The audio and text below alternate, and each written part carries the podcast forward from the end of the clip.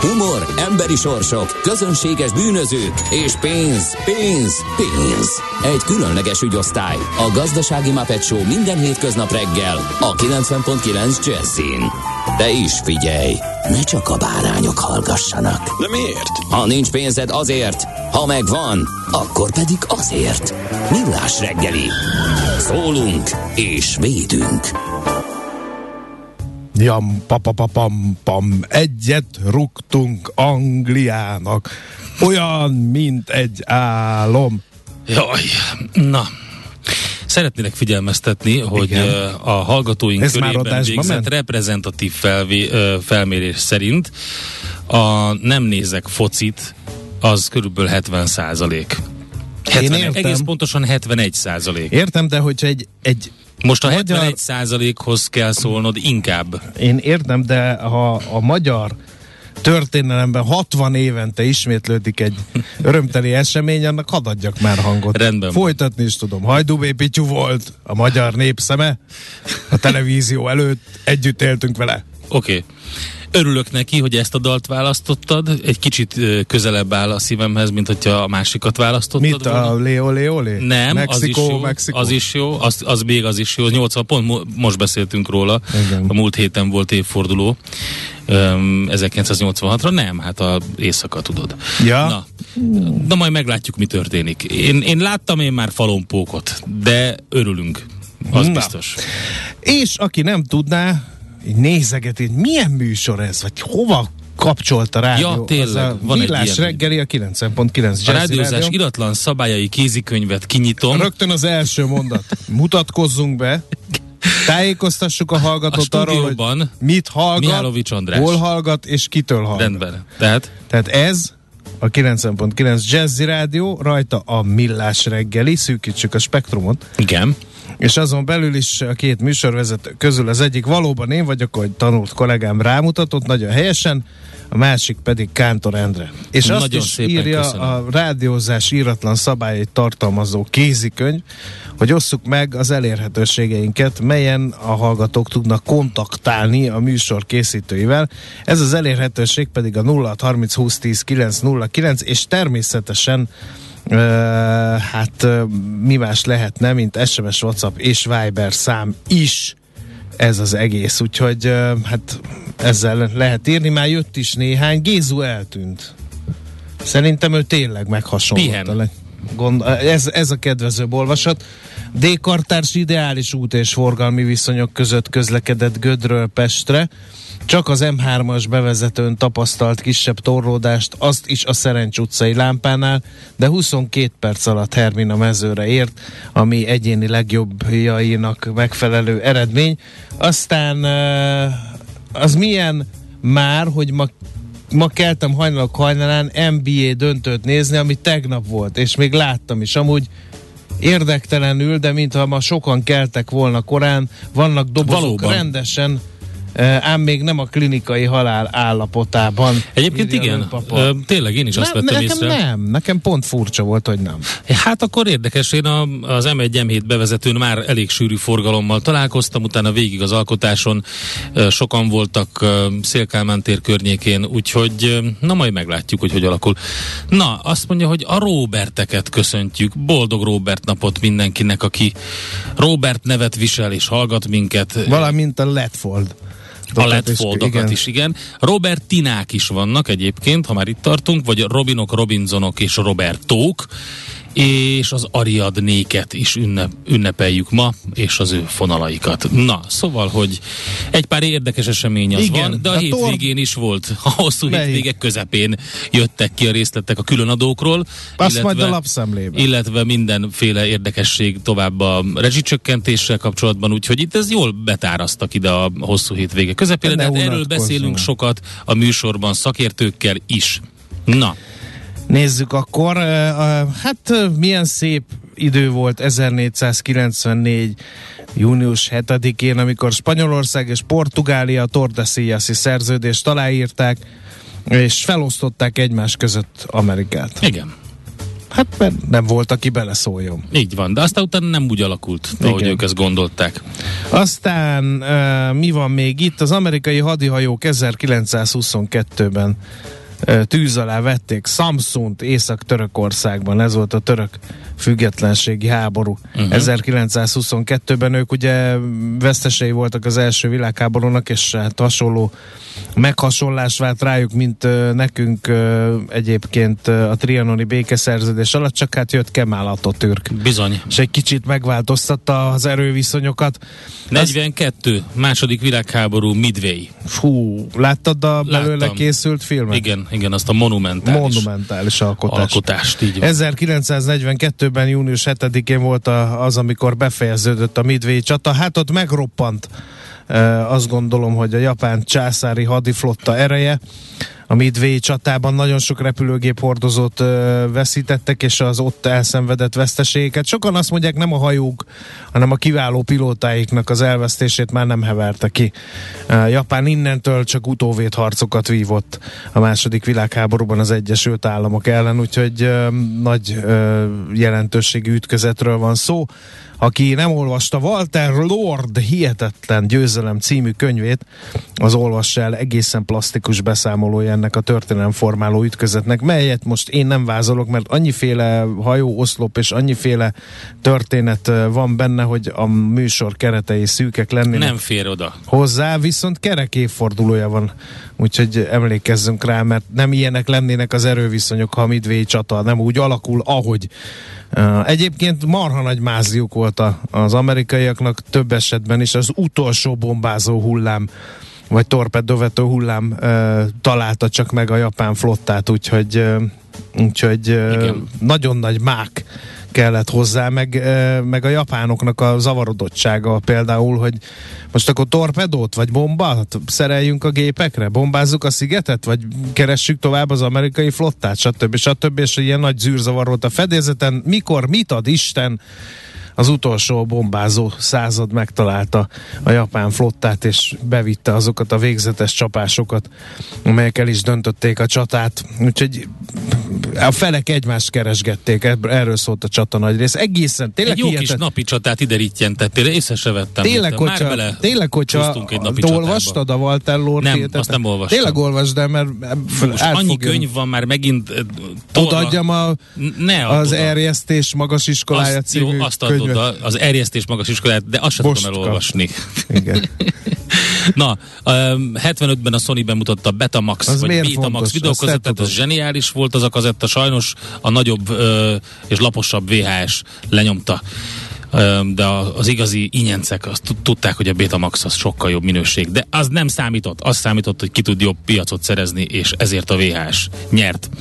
Születéstaposaink közül kérem szépen Auer Lipót világhírű magyar hegedűs, tanár, karmester, zeneszerző 1845, egy pár évvel később rá 48-ban Paul Gauguin posztimpressionista francia festőművész, életművész, zseniális Üm, azt hiszem, hogy a Donald Sutherland alakította az egyik filmben Gogánt nagyon klasszul. Nem láttam. És abban az is benne, a farkas az ajtó, ajtónál, vagy ajtón előtt, azt hiszem az a címe, de majd... Um, Igen. Na a lényeg a lényeg, hogy azért benne volt a Gogenbe ez a jó kis életművészség, kimegy az ember egy kicsit Tahitire, és akkor ott így pihenget, festeget, festeget gyermekeket nemz, és egyébként így éli az életet, az, az valahogy már akkor így tudtuk, Igen. hogy az, az egy követendő példa. 1896-ban június 7-én született Nagy Imre kommunista politikus, nem győzzük hangsúlyozni, magyar miniszterelnök, ugye az 56-os forradalomban játszott szerepe miatt ismerik a legtöbben, de szerintem ugyanilyen sokan ismerik, amikor az agrártárca vezetőjeként a padlássöpréseket irányította mm-hmm. annak idején. Úgyhogy hát érdekes Aztán kit emelnél még ki? Tom Jones-t. Á, igen, Tom Jones. Hát most koncertezett, vagy igen. koncertezik Magyarországon? Zik, mindig. Még most lesz, vagy mindig. nem tudom. Tom Jones Velszi születésű brit énekes 1940. A Kandur. A Hermelször. Tom, Tom Jones a Tom Cat, ugye? Úgyhogy... Herm elször? De miért Her? Mister akkor inkább. Mert két errel és úr. Ja, értem. Érted?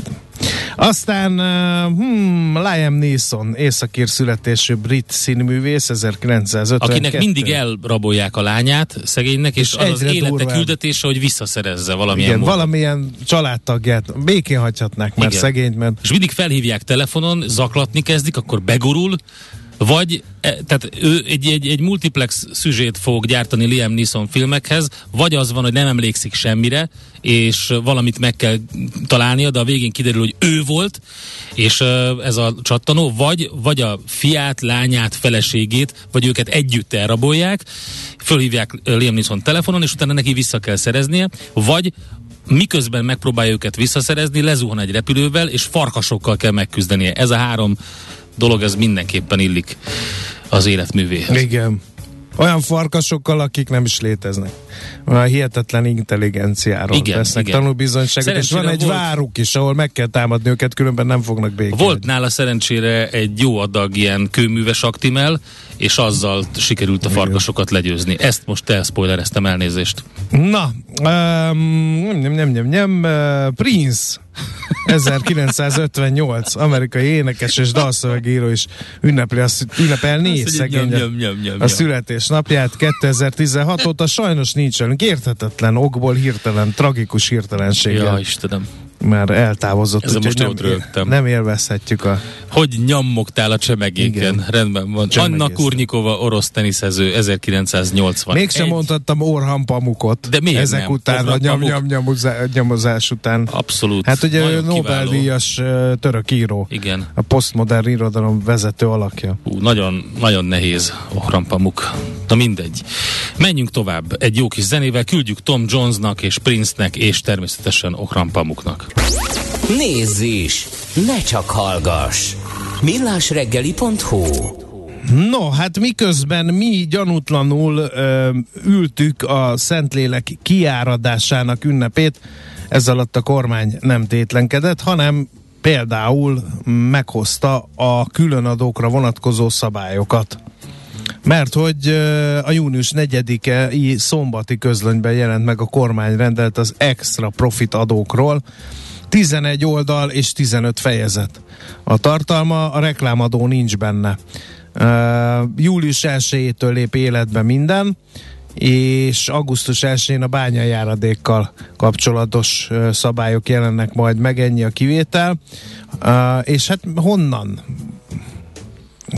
mazsolázzunk? Egy vadonatúj különadó, talán ez a, az érdekes. Eddig semmilyen információt nem láthattunk, viszont az energetikai szektort érinti. Azt mondja, hogy a különadó önadózás útján történő megállapítására, be, bevallására, megfizetésére kötelezett a fél megawatt beépített teljesítő képességet meg nem haladó teljesítő képességű erőmű termelője kivételével a megújuló energiából vagy hulladékból nyert energiával termelt villamosenergia, valamint a kapcsoltam termelt villamosenergia kötelező átvételéről és átvételi áráról szóló kormányrendelet hatája alá tartozó kötelező átvételre jogosult termelő, Hú, ezt így követhetetlen. Abszolút. Ö, és tehát, hogy úgy néz ki, mintha így ö, a zöld energiatermelőkre is kivetnék. Uh-huh. Hát részletesen fogunk beszélni arról, hogy az új magyar különadók és például a, Re- a Revolut megadóztatása hogy zajlik Gergely Péter hitelszakértővel, illetve bioetanol gyártók az energetikában is. lévő különadókról pedig Brückner Gergelyel beszélünk a, ma a műsorban 7 óra után, tehát ezeket kipróbáljuk tárgyalni minél részletesebben. Na, gate.hu kiskereskedelemben is pótadó jön. Ja, nagyon sok minden van. Igen, ezt most én nem tudom paragrafusokból kihámozni, igen.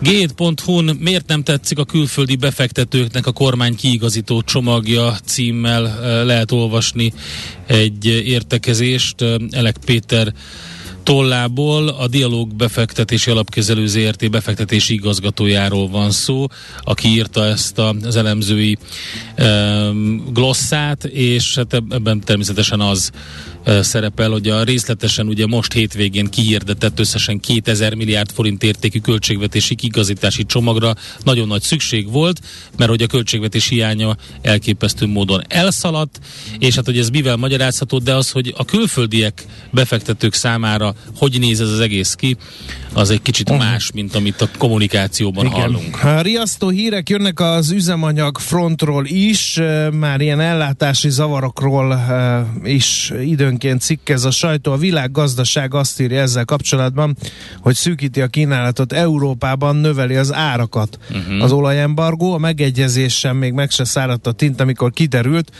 hogy Közép-Európában mi a helyzet ezzel kapcsolatban. Lesz itthon üzemanyag, a régió azonban nem lesz ilyen sima liba, írja a cikk.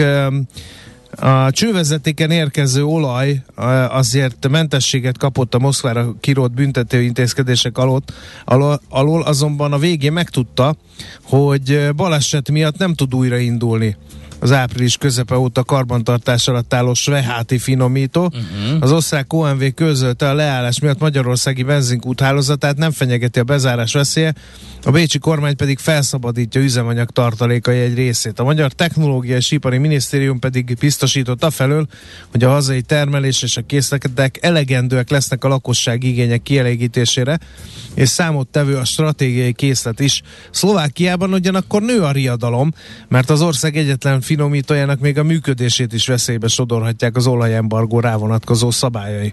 Írja tehát a világgazdaság mai címlap sztoriánban. Aztán hát mi van még itt? A félvezetőiparról van egy érdekes hír, mert hogy ugye hiány van, erre mindenki elkezdett félvezető gyárat építeni. Most azt jósolja a lap, hogy a járvány utáni gazdasági felpattanás gátló hiány enyhüléséről számolnak be a felhasználók, ez eddig a jó hír. A Wall Street-en azonban már többen arra figyelmeztetnek, hogy az iparágba fektetett évi 159 milliárd dollár megtérülése bizonytalan. Könnyen lehet, hogy most meg túltermelés lesz chipekből.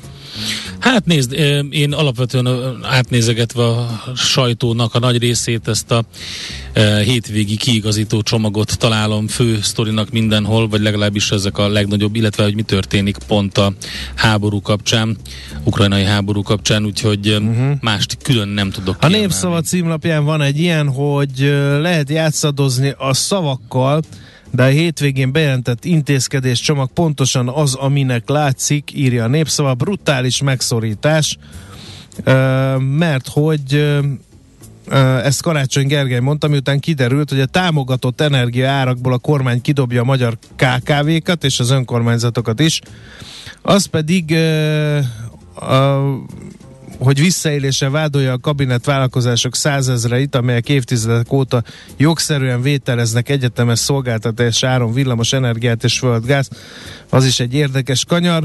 Az infláció növelését fogja eredményezni ez a lépés, hisz a kis cégek a megemelkedett költségeiket, költségeiket azonnal tovább fogják hárítani a fogyasztókra, még az önkormányzatok működését alapjaiban engeti meg a lépés és a cégeknek kivetett sok különadónak is az infláció geresztő hatása lehet a népszava cikke szerint. Szerintem egy rövid zene után átnézzük, hogy a tőzsdén mi történt. Hol zárt? Hol nyit? Mi a sztori? Mit mutat a csárt? Piacok, árfolyamok, forgalom a világ vezető parketjein és Budapesten. Tőzsdei helyzetkép következik. Hát ugyan három nappal ezelőtt volt utoljára kereskedés a Budapesti érték tőzsdén, de azt nem már tudni, hogy 1,2%-os volt a plusz akkor. Egyébként az Index 50 és a 200 napos mozgó átlaga alatt áll, tehát közép és hosszú távon esőtrend látszik, viszont a 20 napos mozgó átlaga fölött zárt, ami arra utal, hogy rövid távon meg emelkedni fog. Majd meglátjuk. Um, nézzük, hogy hogyan teljesítettek a vezető papírok. A MOL szerepelt a legjobban 1,6%-ot erősödött, az OTP 1,3%-ot drágult, és 9%-os pluszt hozott össze a Richter is, csak a Magyar Telekom esett 7%-ot. Um, nézzük, hogy a közepes papírok közül uh, ott, uh, vagy kifért be még a legnagyobb forgalmú papírok közé kettő részvény is, a 4IG, ami két és fél százalékot tudott erősödni volt az egyik, és a Delta is szépen teljesített, az, az is erősödött elég rendesen. Nézzük, hogy Várjál, igen, és közben az x keresem, Endre, légy Jó, én türelmes vagyok, figyellek, és... Mert a nemzetközi piacon sok minden történt, hát, mert igen, ott legalább ott, ott volt kereskedés, kereskedés mondjuk igen. tegnap. Az x kategóriát még gyorsan eldaloljuk. Uh, ott értelmezhető forgalom volt a Gloster és a nap papírjaiban, mindkettő erősödni tudott, a nap az 1,3%-ot, a Gloster pedig 0,8%-ot. Azt hiszem, hogy mindent elmondtam, ami érdekes lehet, és amit tudni kell a mai nyitás előtt. Na hát Amerikában kisebb pluszok alakultak ki, egy ilyen vegyes kép volt a kereskedés a tegnapi napon, de végül is azt lehet mondani, hogy összehoztak egy pluszt a vezető mutatók hát egy enyhe Dow Jones plusz, ez 5 század százalékos plusz, a Nasdaq 0,4 százalékkal, az S&P 0,3 százalékkal zárt feljebb. A legjobban teljesítő papírok között az Alibabát találni 6,3 százalékkal, az Oracle-t másfél százalékkal, a Macy's-t, illetve a Southwest Airlines-t 1,3 százalékkal. Volumenben ugye a legnagyobb cserebere itt volt. Twitter, a Twitternél másfél százalékos mínusz alakult ki. A pluszos oldalon még található a Stanley Black Decker 5% fölötti plusszal, azt mondja, hogy a Marathon Petroleum szintén 5% körüli, ja nem, az 3,5%-os plusszal, és hát kit lehet itt még kiemelni? A General, Hold, General Holdings 5,7%-kal, a veszteseknél pedig Szintén vannak ingatlanipari cégek, Camden Property 3% körüli minusszal, de alapvetően, a, sőt a Motorola Solutions, na, 1,9%-os minusszal. Úgyhogy azt lehet mondani, hogy a nagy forgalmú papíroknál ö, olyan nagyon-nagyon erős mozgások nem voltak. A Ford volt még, aki 0,3%-os mínuszt hozott össze, a Citigroup pedig 0,1%-os pluszt. De alapvetően ezt lehetett látni, ilyen óvatos optimizmus és erősödés. A távol-keleti piacokon a Hang Seng jelen pillanatban mínuszban van, a Nikkei pedig fél százalék körüli pluszban, a Kospi Koreában 1,3 százalékos mínuszban, és a Sánkhái értéktőzsde mutatója 0,4 százalékos pluszban. Tőzsdei helyzetkép hangzott el a Millás reggeliben. Na, a tőzsdei helyzetkép elhangzása után pedig hírek fognak elhangzani a Millás reggeliben, aki tolmácsolja ezeket. Új vendég mosogat, Eszményi Anett és fogja. utána jövünk vissza budapesti hírekkel, és uh, elkezdjük, elkezdjük kibontani a, a csomagot. Igen. Így van. A reggeli rohanásban könnyű szemtől szembe kerülni egy túl szépnek tűnő ajánlattal. Az eredmény krétával körberajzolt tetemes összeg. A tethelyen a gazdasági helyszínelők, a ravasz, az agy és két füles csésze és fejvállalakzat. A lehetetlen küldetés megfejteni a Fibonacci kódot. A jutalom egy bögre rossz kávé és egy olyan hozamgörbe, amilyet még Alonso Mózli sem látott. Millás reggeli, a 90.9 Jazzy Rádió gazdasági mapetsója. Vigyázat! Van rá engedélyünk! A Millás reggeli fő támogatója a Schiller Flotta KFT. Schiller Flotta and Rent a Car. A mobilitási megoldások szakértője a Schiller Autó tagja. Autók szeretettel. Jó reggelt mindenkinek, aki most csatlakozott hozzánk, 7 óra 10 perc van, ez továbbra is a Millás reggeli itt a 90.9 Jazzy Rádióban, Miálovics Andrással. És Kántor Endrével. És a hallgatókkal remélem, hogy üzenetekben jöttek a 0630 20 10 909-re közlekedési infók is. Budapest legfrissebb közlekedési hírei, itt a 90.9 jazz De nem jöttek, viszont a BKK infótól jött, hogy a 19. kerületben az Üllői úton befelé a Kisfaludi utca előtt baleset történt a korai óra ellenére, úgyhogy nagyon figyeljünk a közlekedésre, illetve buszsáv lezárás is van az Üllői úton befelé a Szigony utcánál az M3-as metró felújításához kapcsolódó munkálatok miatt. Az m 0 autót keleti szektorán, az M5-ös autópálya fele vezető oldalon az Alacskai pihenőhely közelében történt baleset. A 38-as kilométernél sávzárásra és torlódásra kell készülni, és kis terhautó személyautóval karambolózott az M3-as autópályán Budapest felé, 60 közelében, ott az 54-es kilométernél lezárták a belső sávot. Budapest, Budapest, te csodás! Hírek, információk, érdekességek, események Budapestről és környékéről. No, hát ugye a rezsi csökkentésnek annyi az önkormányzatok számára. A Budapest fölpolgármestere egy Facebook bejegyzésben ecsetelte, miért baj, hogyha az önkormányzatok nem kapnak a rezsi csökkentésből. Uh, azt mondja, hogy uh, a minisztériumi kiadás csökkentés valódi jelentése nem más, mint hogy az egészségügy, az oktatás, a szociális sféra, a rendvédelem, az önkormányzatok nyögik majd a költségvetési megszorítások terhét, véri Karácsony Gergely.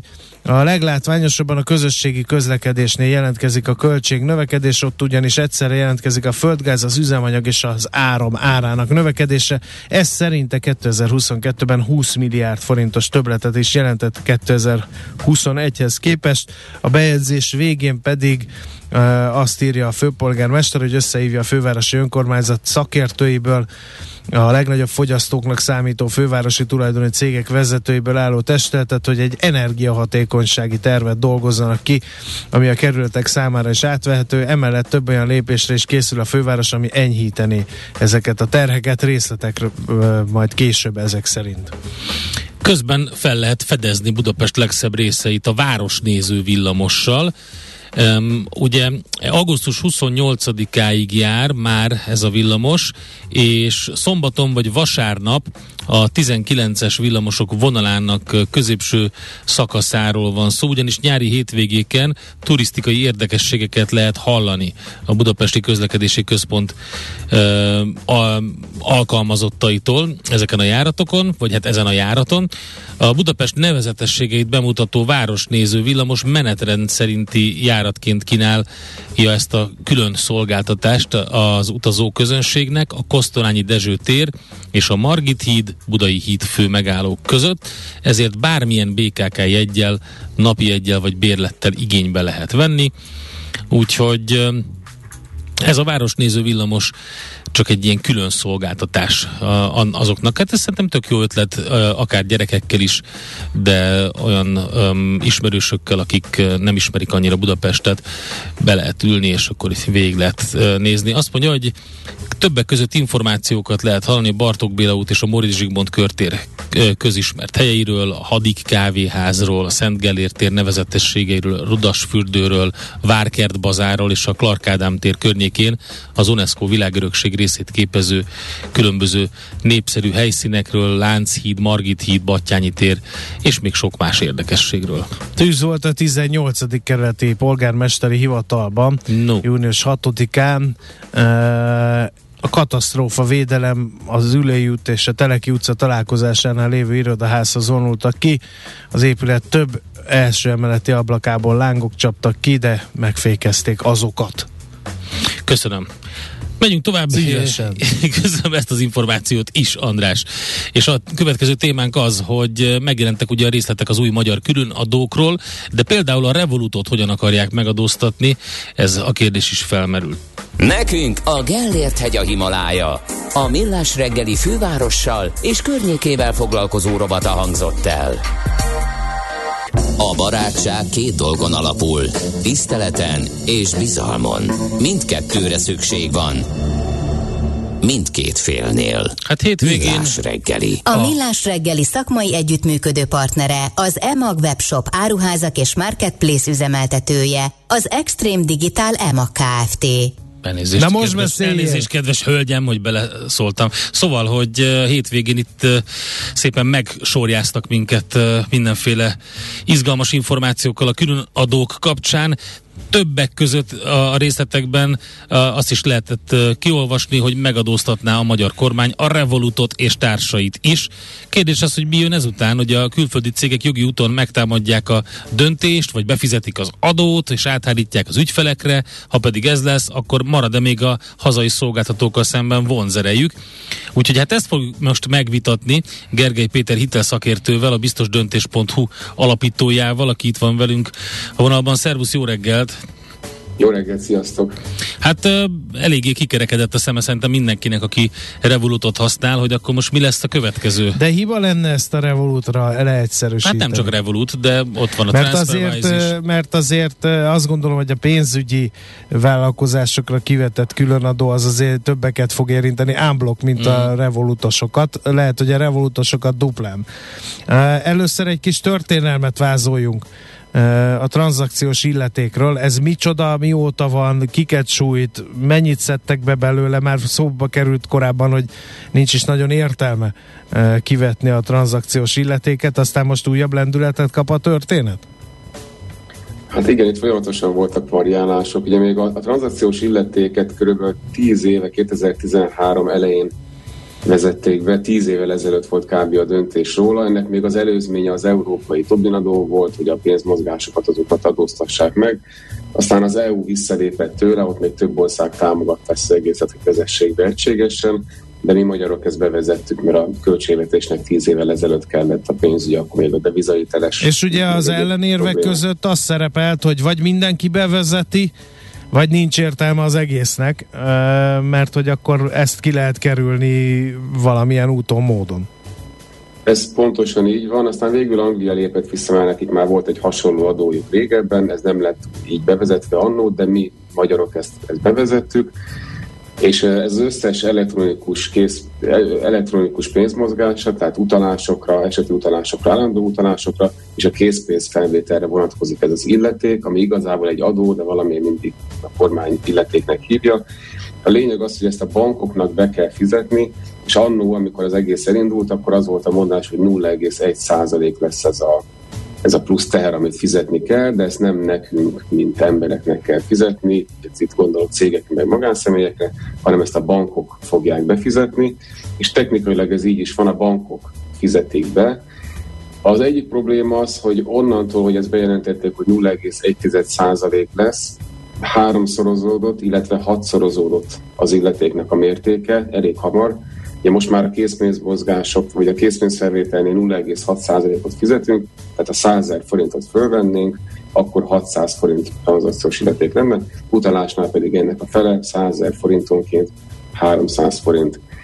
És a, ez most már 10 év velünk van ez az adó, elég sok bevétele van a, az államháztartásnak ebből, a probléma az, hogy a bankok, ami, ahogy elindult ez a tranzakciós illeték, addig elég sok ingyenes bankszámla volt, ingyenes utalásokkal, azoknak egy részét elkezdték bezárogatni, aztán kijönni új bankszámlákkal, ahol amik hogy-hogy nem drágábbak voltak, mint azok, amiket előtte lezártak. Lehetett azt is érezni, hogy aztán áthárítják a bankok a tranzakciós illetéket, végtére is drágultak pár éven keresztül a bankszámlák. És aztán 2015 környékén pedig elkezdtek a bankok ismét versenyezni egymással, jobban, a, ahogy a gazdaság kezdett belendülni, és kezdtek visszajövögetni olyan bankszámlák, ahol ingyenesek az utalások, most is vannak ilyenek, ahol még a tranzakciós illetéket se kell megfizetni, és talán ami fontosabb, hogy ugye volt még 2013 körül egy nagy felháborodás, hogy drágultak a bankszámlák, és emiatt 2014 februártól bevezették a törvényi két ingyenes készpénz felvételt, ami nekünk teljesen ingyenes, a banknak be kell fizetni a tranzakciós illetéket, és még díjat sem számolhat föléte. Tehát elég, elég cifra változások voltak, utána pedig adtak két kedvezményt igazából a, a jogalkotó. Az egyik az, hogy a 20 ezer forint alatti utalásoknál nincsen tranzakciós illeték, illetve a bankkártyás vásárlásoknál sem számít föl egyik bank sem tranzakciós illetéket, ha bár neki kéri pár száz forintot bankkártyánként be kell fizetni. Szóval ciframútja van az egész sztorinak, és ugye most megint csavarnak. Igen, és ez a csavarban az az érdekes, hogyha megnézzük ezeket a fintek eh, cégeket, akkor ezek lényegében ugye eh, külföldi pénzügyi vállalkozások, akik Magyarországon szolgáltatnak, és így nagyon érdekes, hogy az Európai Uniós alapelvekbe ütközne az, hogy nekik most elvileg be kéne ismerni, ugye, hogy, eh, hogy be kéne jelentkezni a magyar adóhatósághoz, és, és itt kéne adózni a Magyarországon. Ez így van, az előírás az, ami hétvégén megjelent, az ezt mondja, hogy legfeljebb szeptember 1 be kell jelenteni a külföldi uh-huh. határon átnyúl. Ugye a Revolut, akinek közel egy millió magyar ügyfele van, ők egy határon átnyúló szolgáltatást csinálnak, ugye eddig elpénzes licenszel működtek, és aztán most július 1-től pedig bankként operálnak és valójában igen, ez nekik be kell jelentkezni, és utána be kell fizetni a tranzakciós illetéket a pénzmozgások után, amit szerintem egyébként meg fognak tenni, mert nyilván egy nagy cég, jogkövető, talán emlékszünk, hogy tavaly márciusban a Revolut az szerette volna emelni a, a díjait. Igen. Aztán az MNB rákopintott, hogy hát ezt azért nem kéne, mert nem így volt a szerződésben, és ezt nem nagyon teheti meg, és, és visszakoztak, tehát nem lett aztán ebből díjemelés. Úgyhogy én azt gondolom, hogy a Revolut a legnagyobb, ilyen, legnagyobb olyan fintek, akinek nagyon sok magyar ügyfele van, ő ezt alá fogja magát vetni ennek, be fogja fizetni az adót. Az egy nagy kérdés egyébként, hogy ezt tovább fogja hárítani, vagy jogilag tovább hárítja ezt, háríthatja ezt. Az biztos, hogy, a, hogy az EU irányelveinek ez nehezen tud megfelelni, hogy a magyar fogyasztók azok más díjon kapják ezt a szolgáltatást, mint mások és, és olyan sokunknak van ingyenes Revolut számlája, hogy, hogy lehet, hogy ott valami változni fog, de emiatt én még nem aggódnék, szeptember 1 az még messze van, könnyen lehet, hogy ezek változnak. A Revolut meg akarja tartani ezeket az ügyfeleket, sőt azt szeretné, hogyha minél több szállon kapcsolódná hozzájuk. Tehát én most még nem aggódnék emiatt. Jó, nem, a, nem, jó, de nem akkor... aggodalomról van szó, csak arról, hogy ugye azt már beszélgettünk más szakértőkkel is, hogy így egyértelműen nem tudja áthárítani a költségeket, de rengeteg olyan mód van, ahol tud beépíteni költséget, vagy ahogy te is említetted, bizonyos ingyenes eddig nyújtott szolgáltatásokat megszüntet, és ez, ez így korlátozódik akkor, hogy mi az, ami elérhető mondjuk akár ingyenesen egy ügyfél számára, mert valamilyen módon neki ezt ugye kompenzálnia kell. Igen, hogyha neki jön egy extra költsége, akkor valószínűleg az ingyenes szolgáltatások egy körén egy alacsonyabb limitet fog bevezetni, vagy nem lesznek további extra ingyenes szolgáltatások. És ugye ez nem csak a Revolutnál van, ahogy említettétek, hanem a PayPal-nak és a Wise-nak van viszonylag sok magyar ügyfele. Uh-huh. Vannak még olyan fintekek, akiknek vannak magyar ügyfelé, de azok viszonylag marginálisak, tehát szerintem általában erre a háromra kell koncentrálnunk és, és valószínűleg valamilyen szinten át fogják ezeket a díjakat vezetni, nem fogják tudni egy az egybe benyelni, ugye eddig is a legtöbben ingyen használjuk a Revolutot készpénzfelvételre, pénzváltásra, egymás közötti utalásra, és, és nekem még az is egy kérdés, hogy a magyar bankszámláknál... Ne ezt akartam kérdezni, nagyon a Revolut irányba mentek el fiúk, de nem emlékeztetnék mindenkit, hogy a Revolutnak bár sok ügyfele van, de nem annyi, mint a magyar bankoknak összességében véve. Tehát inkább ezt, ezt is fejtsük ki, hogy... Persze, menjen ez a másik. Hogyha a pénzügyi szektorra kivetnek ilyen uh, uh, tranzakciós illetéket, meg extra adót, meg nem tudom én micsodát, akkor a, azt tovább hárítják szerinted, Péter, vagy akkor a verseny, hogy kénytelen kelletlen, de lenyelik a békát? Itt az fontos tudni, hogy a tranzakciós illetéknek a mértéke az, hogy 100 ezer forintonként utalásoknál 100, 300 forintot fizetünk, készpénz felvételi pedig 600 forintot. Ez nem változott, mindössze a felső határa változott. Ez eddig úgy nézett ki, hogy a utalásoknál maximum 6000 forintot kellett befizetnünk tranzakciós illetékként, ehhez 2 millió forintot kellett utalnunk és most, hogyha pedig 3,3 millió forintot utalunk, akkor az eddigi 6000 forintos korlát az 10 ezer forintos összeg lesz. Tehát, hogyha csak valaki nem utal egy hónapba több mint 2 millió forintot, akkor nem kell emiatt aggódni a lakosság ügyfélként, mert, mert a 2 millió alatti utalásokra eddig is ugyanúgy fizettünk tranzakciós illetéket, pontosabban a bankunk befizette, akár fölszámította nekünk, akár nem. Tehát lakossági ügyfélként én most emiatt még nem nagyon aggódnék. Vállalkozóként már egy kicsit jobban aggódom miatta, hogy egy, a vállalkozóknál az egy gyakori az, hogy több mint két millió forintos utalások vannak, és, és a, míg lakossági ügyfélként vagy akár katás vállalkozóként lakossági bankszámlát használva, Ugye van az ingyenes készpénzfelvétel, a bankok sokkal többet akcióznak, sokkal kedvezőbbek a díjak, 20 ezer forint alatti utalásoknál nincsen tranzakciós illeték, addig a cégeknél nincs ilyen, tehát ott, ott, ott sokkal drágább. Ugyanazt a szolgáltatást kapja kb. egy vállalkozó ugyanattól a banktól, mint ahol a magánszámlája van, de mégis sokkal drágábbak a, a céges mm. számlák. A vállalkozók szerintem ezt jobban meg fogják érezni, hogy ha havonta 10 millió forintokat mozgatnak a számlájukon, és 2 millió forintnál nagyobb utalásaik vannak. No, e, azt arra is figyelmeztet a hallgató, hogy az értékpapír tranzakciókra Igen. is vonatkozik, ami, ami igazán újdonság, mert ahogy nagyon helyesen mondtad, ez eddig is volt, határokat mahinálták meg csak a mostani döntéssel, de az értékpapír tranzakciókra eddig nem volt. Igen, ez sokaknak valószínűleg nem, nem, nem fognak örülni ennek. Ugye az is igaz, hogy a lakosságnak kb. 2%-ának vannak értékpapírjai részvényei, tehát olyan nagyon sok embert ez nem fog érinteni, és ami, ami nagy szerencse, hogy a, hogyha valaki állampapírt vásárol, és ugye van neki ingyenes webkincstára, és oda beutalja a pénzt a lakossági számlájáról, vagy amikor a állampapír lejárt, és utána pedig visszautalja a magánszámlájára, ezek az utalások ugyanúgy tranzakció illetékmentesek, tehát ez, ez továbbra is megmarad. Viszont ha valakinek értékpapír számlája van, és, és valamilyen részvényt szeretne például vásárolni, akkor sajnos a vételnél meg kell fizetni ezt a 0,3%-os illetéket, ugye maximum 10 forintot, és ez azoknak a kereskedőknek, akik daytraderek, sokat adnak, vesznek, skalpolnak, kis százalékokra mennek rá, nekik valószínűleg az egész stratégiájukat át kell alakítani, és valószínűleg nem fogják tudni ezt csinálni, vagy külföldi szolgáltatókhoz át kell menniük, ami nem minden esetben szerencsés, meg nem biztos, hogy beszélnek ott magyarul, tehát nekik szerintem ez egy nagyobb költség lesz, és nehezen tudom Na de hát akkor a jogszabályok szerint, hogyha például a, az is egy határon átnyúló pénzügyi szolgáltatás a külföldi, tehát akkor Igen, mert kérdezi is a hallgató, mi van valakinek külföldi igen, bankszámlája van. Működik rajta szerintem, mint a, mint a Revolut Wise és PayPal esetében. A, a, itt jön egy kis bonyolultság, ahol szerintem még részleteket fogunk látni, mi van, hogyha valakinek külföldi számlája van.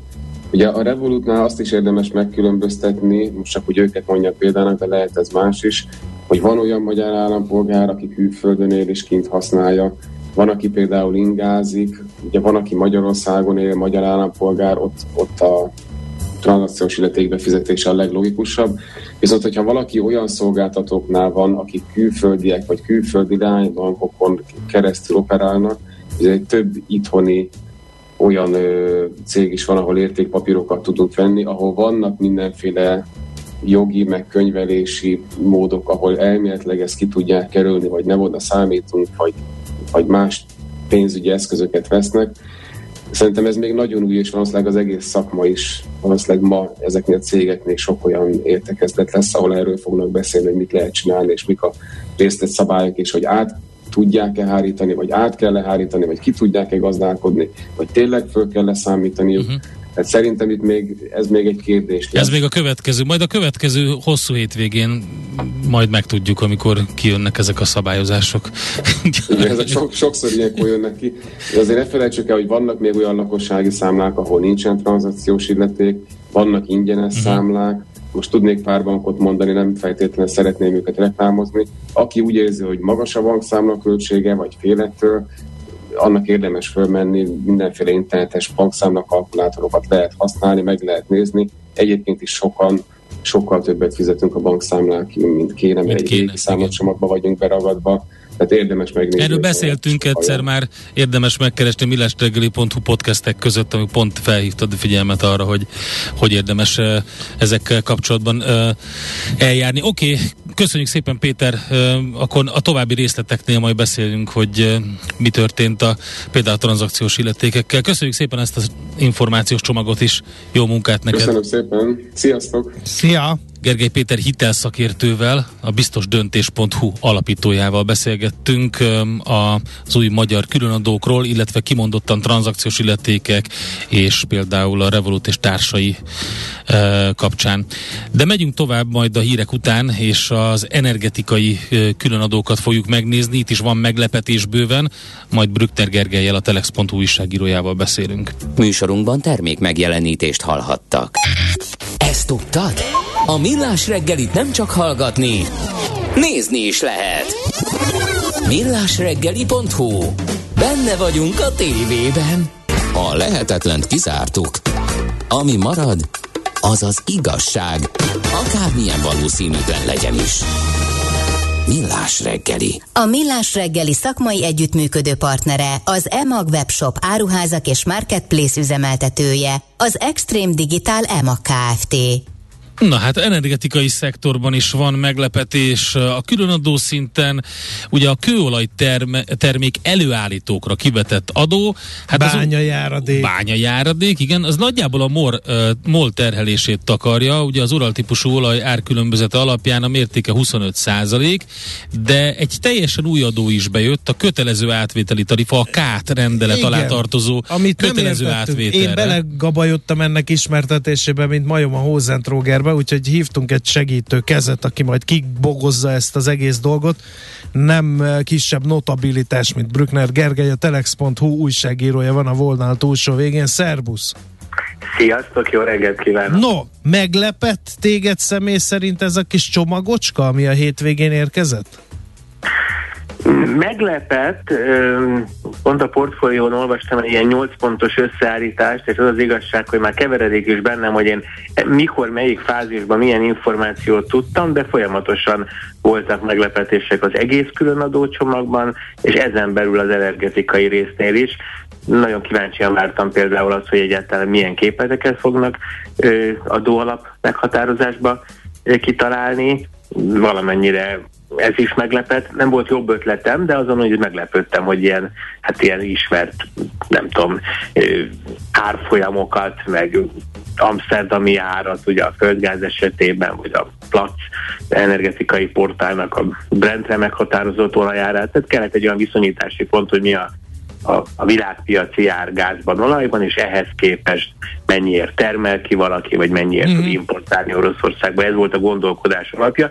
Annyit hadd tegyek hozzá, hogy talán az összes különadó közül ez az energetikai csomag az, ahol a leginkább áll az a mondás, hogy valami fajta extra nyeresség keletkezett. Tehát általában az volt ugye a logika, a molnál azt ismerjük, hogy ő ugye olcsóbban tud orosz olajat venni, mint a világpiaci, mondjuk a brand típusú olaj, de azoknál a gyártóknál, akik mondjuk hazai alapanyagot használnak föl, vagy hazai kitermelést folytatnak, mondhatjuk azt, hogy a költségek nem szálltak el annyira, másokból persze elszálltak, de a világpiaci ár az borzasztóan elszállt, tehát itt valamennyire tényleg mondhatjuk azt, hogy akár a háború révén is emelkedett az ár, tehát itt, itt egyedül a, a, az extra profitot azt, azt, azt, azt el lehet talán fogadni. Oké, okay. na akkor vegyük az egyszerűbbet és menjünk a bonyolultaknál. A bányajáradék az viszonylag egyszerű.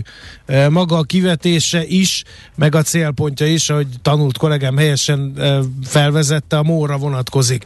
Mi az a bányajáradék, és ez hogyan változik most a, a kormány döntésének? Hát azt mondtad, hogy kezdjük az egyszerűvel. Ez azt hiszem, egyszerű. hogy a konkrét képlet az itt a legbonyolultabb, de a logikát azt, azt el tudom mondani. Tehát ugye a, a, az, aki valamilyen engedmény vagy szerződés, vagy a jövőben koncesszió alapján jogosult Magyarország ásvány kincs vagyonát kitermelni, most gondoljunk elsősorban a morra és elsősorban a, a, az olaj és a földgáz kitermelésére, ez nem kizárólagos, de induljunk ki ebből, mert azért ők lesznek a legnagyobb adóbefizetők, és itt jön ugye be az a logika, hogy azt mondja a kormányzat, hogy ö, egy magyarországi nyersanyaghoz való hozzájutás az nem lett sokkal költségesebb, viszont ugye a földgáz esetében ez a bizonyos amsterdami TTF jegyzés, a nyersolaj, vagy az olaj esetében az olaj világpiaci ára az annyira elszállt, hogy különböző kulcsokat határoz meg, amivel több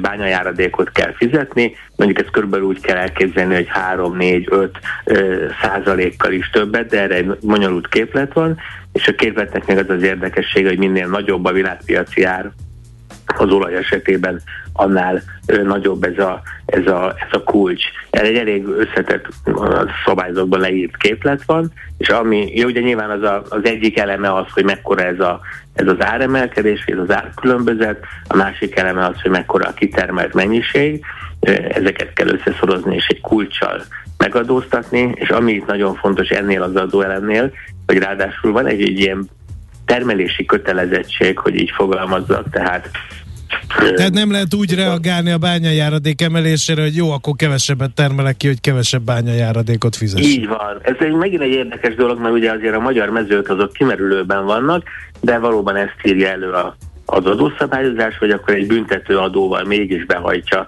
az állam az adót, hogyha valaki úgy reagálna, hogy na most két évig nem hozom ki az olajat a földből, mert most nagyon magas az adók, úgyha elmúltak a különadók, akkor meg elkezdek intenzívebben termelni. Hát gondolom ezt akarják elkerülni ezzel a tényleg nagyon összetett szabályrendszerre, még egy olyan is van benne, hogy mikor tol termel, tehát még az, az alapján is megkülönbözteti mondjuk a nyersolaj felhozatalára kivetett adót, hogy az a mező az 92 vagy 98 uh-huh. Mhm. előtt már működött, és hát ebből jön ki ez a ez a, ez a bizonyos. Világos. Rendszer. Na menjünk át a KÁT rendszer, ez a kötelező átvételi rendszer, ez ugye a megújuló energiára vonatkozik, és ezekre is lesz valamiféle külön adó?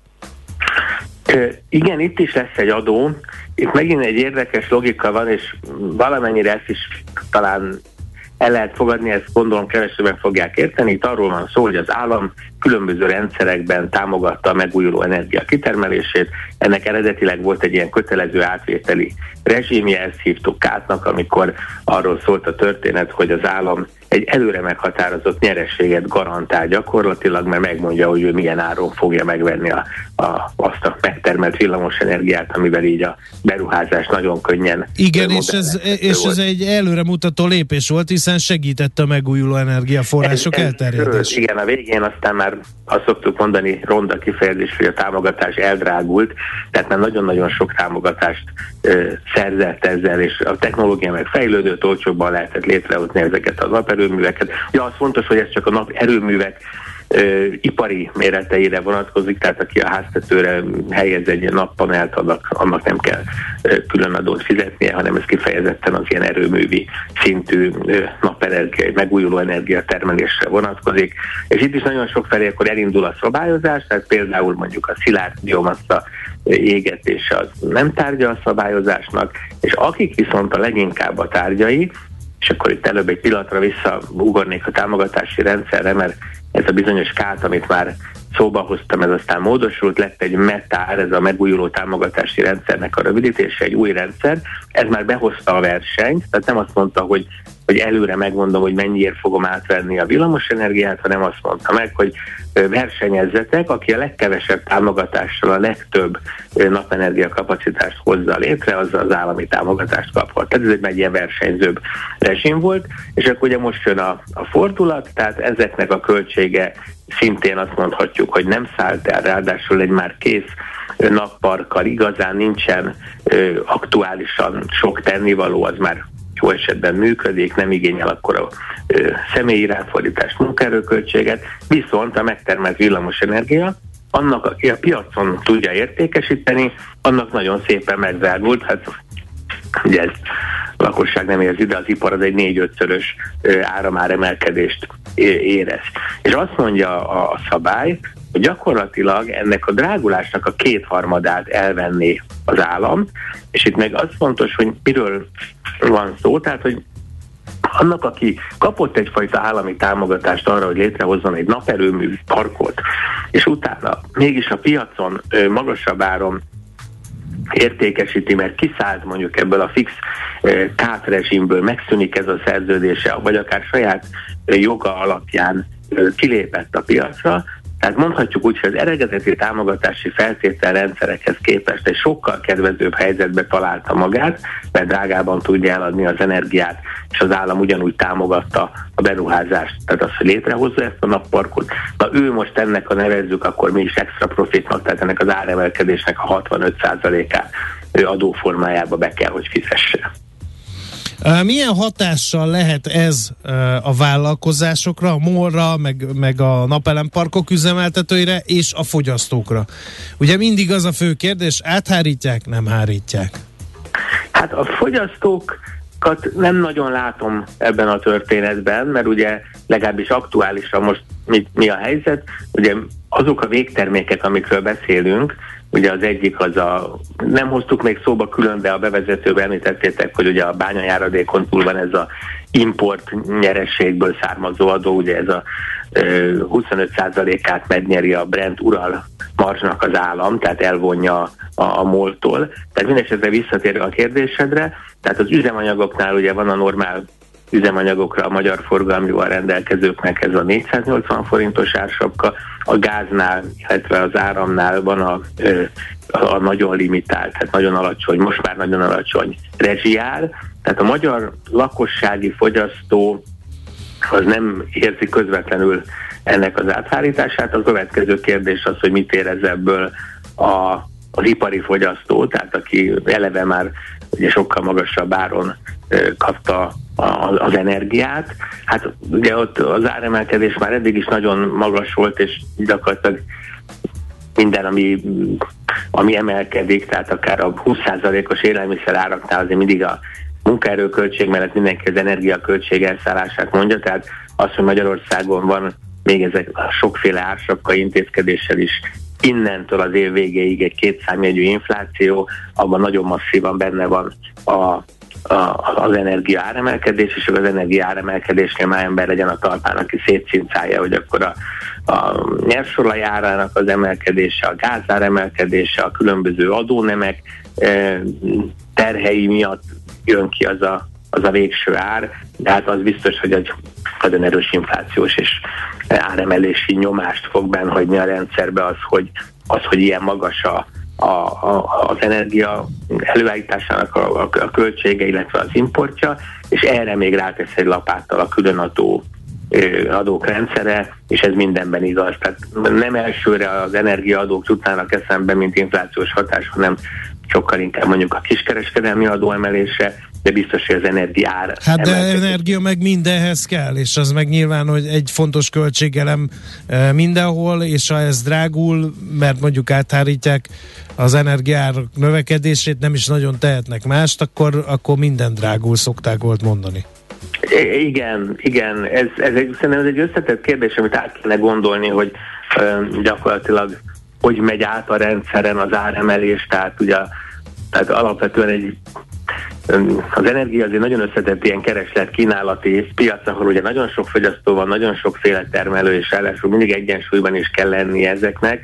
Tehát ott, hogyha a rendszerben nem túlzottan még mindig nem túlzottan nagy szintet képviselő időjárás függőknek bejön egy extra adó, hogy ez most a villamosenergia árát megemeli-e, ezen azért őszintén szóval el kéne gondolkodnom, ebben nem vagyok egészen biztos, hát ez lehet, hogy tényleg a nyerességét fogja csökkenteni a napparkoknak, és ezt ők nehezebben hárítják át, mert az egész az egy nagy rendszer. Uh-huh. Maga, ez, ez egy utolsó kérdés, maga ez a lépés nem fogja visszavetni a, a megújuló energia terjedését? Szerinted? Hát most a megújuló energiánál azért van egy nagyon érdekes helyzet, mert amiről itt leginkább beszélünk, bár sosincs konkrétan megnevező, de én is mindig a napot mondom, mert ugye szélenergiát már eleve nem lehet megfelelő matematikával telepíteni Magyarországon. Tehát a napenergiánál most eleve a május másodikán a Mavir, ugye a rendszert üzemeltető állami cég egyfajta új beruházás stoppot hirdetett, ez nagyon összetett, és most nagyon leegyszerűsítettem, mert nem teljesen jelenti azt, hogy, hogy amúgy sem lehet napparkokat, tehát a már csatlakozási engedélyen rendelkező parkok épülhetnek. De minden esetre tehát van eleve egy, egy olyan stop tábla, ami reméljük, hogy csak ideiglenes lesz, arról szól, hogy most már nem tudja jól fogadni a rendszer a sok időjárás függő elemet. És ami még fontos, hogy van egy olyan kitétel is, ez meg most kicsit ugrálok, na most ezt a olaj- és gáz kitermelésre mondom, de a jövőbeli koncesziókra nem vonatkozik az adószabály. Uh-huh. Tehát ugye érdekesen van megcsinálva, hogy pont az orosz energiafüggés miatt az nagyon hátrányos lenne Magyarországnak, hogyha ha hát még a nem túl nagy lehetőségeinket sem használnánk is saját nyersanyag termelésben, úgyhogy ezt úgy próbálja elősegíteni a kormány, hogy azokra a koncesziókra, amiket a innentől a jövőben adnak ki Magyarországi nyersanyag kitermelésre, arra nem vonatkozik ez az extra profit adó. Oké. Okay. Nagyon szépen köszönjük. El is ment a hangja Andrásnak annyira Elcsuklott a meghatottságtól, igen. Oké, okay, Gergő, köszönjük szépen az információkat. Nincs mit, sziasztok. Brückner Gergelyel beszélgettünk a telex.hu újságírójával, energetikai különadók, kőolajtermék előállítókra kivetett adók, de bánya adóról van szó, vagy volt szó. 3R, vagyis Reduce, Reuse, Recycle. Csökkentünk, újra használunk, újra hasznosítunk. Cél a Zero Waste. Semmit se küldjünk hulladék lerakóba. Ne pazaroljuk az energiát. Legyen a ma terméke a jövő alapanyaga. 3R, a millás reggeli körforgásos gazdaság rovata következik. Támogatónk az Alteo csoport. Alteo.hu. Energiában gondolkodunk. Egészen megdöbbentő, hogy nagyon kevesen tudják, hogy mi fán terem a karbonlábnyom. Egy felmérést végzett a KNH, és azt derült ki, hogy bár a többségnek nagyon fontos a fenntarthatóság, meglehetősen keveset tudnak a magyarok az uniós karboncsökkentési célokról. Mindössze 23% mondta azt, hogy tisztában van az irányelvekkel. A felmérés szerint valamivel többen vannak azok, akik szerint az orosz-ukrán konfliktus, inkább nevezzük ezt háborúnak, miatt fokozni kell a fenntartató megújuló energiaforrások használatát, 72% pedig a jelenlegi helyzet szerint pedig a jelenlegi helyzet inkább felgyorsítja majd a fenntarthatósági törekvéseket. Tehát akkor nézzük az adatokat. A 18 és 65 év közötti magyarok többsége 60%-a mondta azt, hogy nagyon fontosak számára a különböző fenntartatósági törekvések. Ennél többen, 65 százalék mondta, hogy elengedhetetlenek tartja, hogy a vállalatok fenntartatóan működjenek. Viszont a fenntartatósági fogalmak jelentésével, na ezzel jóval kevesebben vannak tisztában. Úgyhogy ez derült ki ebből a KNH kutatásból. Um, igen, ez, ez sajnálatos, és egyébként az az érdekes, hogy, hogy nagyon sok helyen lehet róla olvasni. A karbonsemlegesség kérdése ugye egyre aktuálisabb, az EU célja ugyanis az, hogy 2030-ra 55%-kal csökkentse a karbonkibocsátást. Ezt az 1990-es szinthez képes nézik. Tehát 2030-ra 55%-kal kéne csökkenteni a karbonkibocsátást, 2050-re pedig teljesen karbonsemlegessé váljon az EU. A kutatás szerint ezek a célkitűzéseknek a lakosság mindössze 23%-a van tisztában. Az is kiderül, hogy a fiatalok 28%-a tud a célkitűzésekről, a 30, 39, illetve az 50-65 évesek körében ez az arány a legalacsonyabb. Tehát 20-21 százalékos, a 40-es korosztály körében pedig az átlagnak megfelelő. Tehát itt az, a 30 tehát az 50 pluszosak már nagyon kevesen tudnak erről az egészről, nem is foglalkoznak akkor ezek szerint vele. Minden esetre a legjelentősebb eltérés természetesen az iskolai végzettség alapján szembetűnő, míg a felsőfokúaknak csak az ötöde nem hallott erről, addig a középfokú és alapfokú végzettségűek 37, illetve 46 százaléka az, akinek nincsenek erről ismeretei. Úgyhogy hát érdemes vizsgálni ezt a kutatást, azt a az NRC marketingkutató és tanácsadó Kft. végezte a KNH megbízásából, lakossági mintán online és reprezentatív volt. A település típus, régió, végzettség, nem kor szerint is reprezentatív a kutatás, úgyhogy hát lehet még ezen mit fokozni, mit javítani. A körforgásos gazdaság több, mint újrahasznosítás. Egy értékláncokon és iparágakon átívelő gazdasági modell, amelyben nincsenek hulladékok. 3R, a millás reggeli körforgásos gazdaság rovata hangzott el. Támogatónk az Alteo csoport. Alteo.hu. Energiában gondolkodunk. Most pedig hírek fognak elhangzani Eszményi Anettől. Illetve utána pedig jövünk vissza, és azzal fogunk foglalkozni a Millás reggeliben, hogy melyek a legfontosabb építőkockája, kockái vagy kockája a digitális ügyfélkiszolgálásnak. Egy kicsit csiszoljuk tovább ezt a digitalizációt a KKV szektorban. Műsorunkban termék megjelenítést hallhattak. Hé, hey, te mit nézel?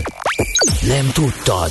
A Millás reggelit nem csak hallgatni, nézni is lehet. millásreggeli.hu Nézzünk, mint a moziban!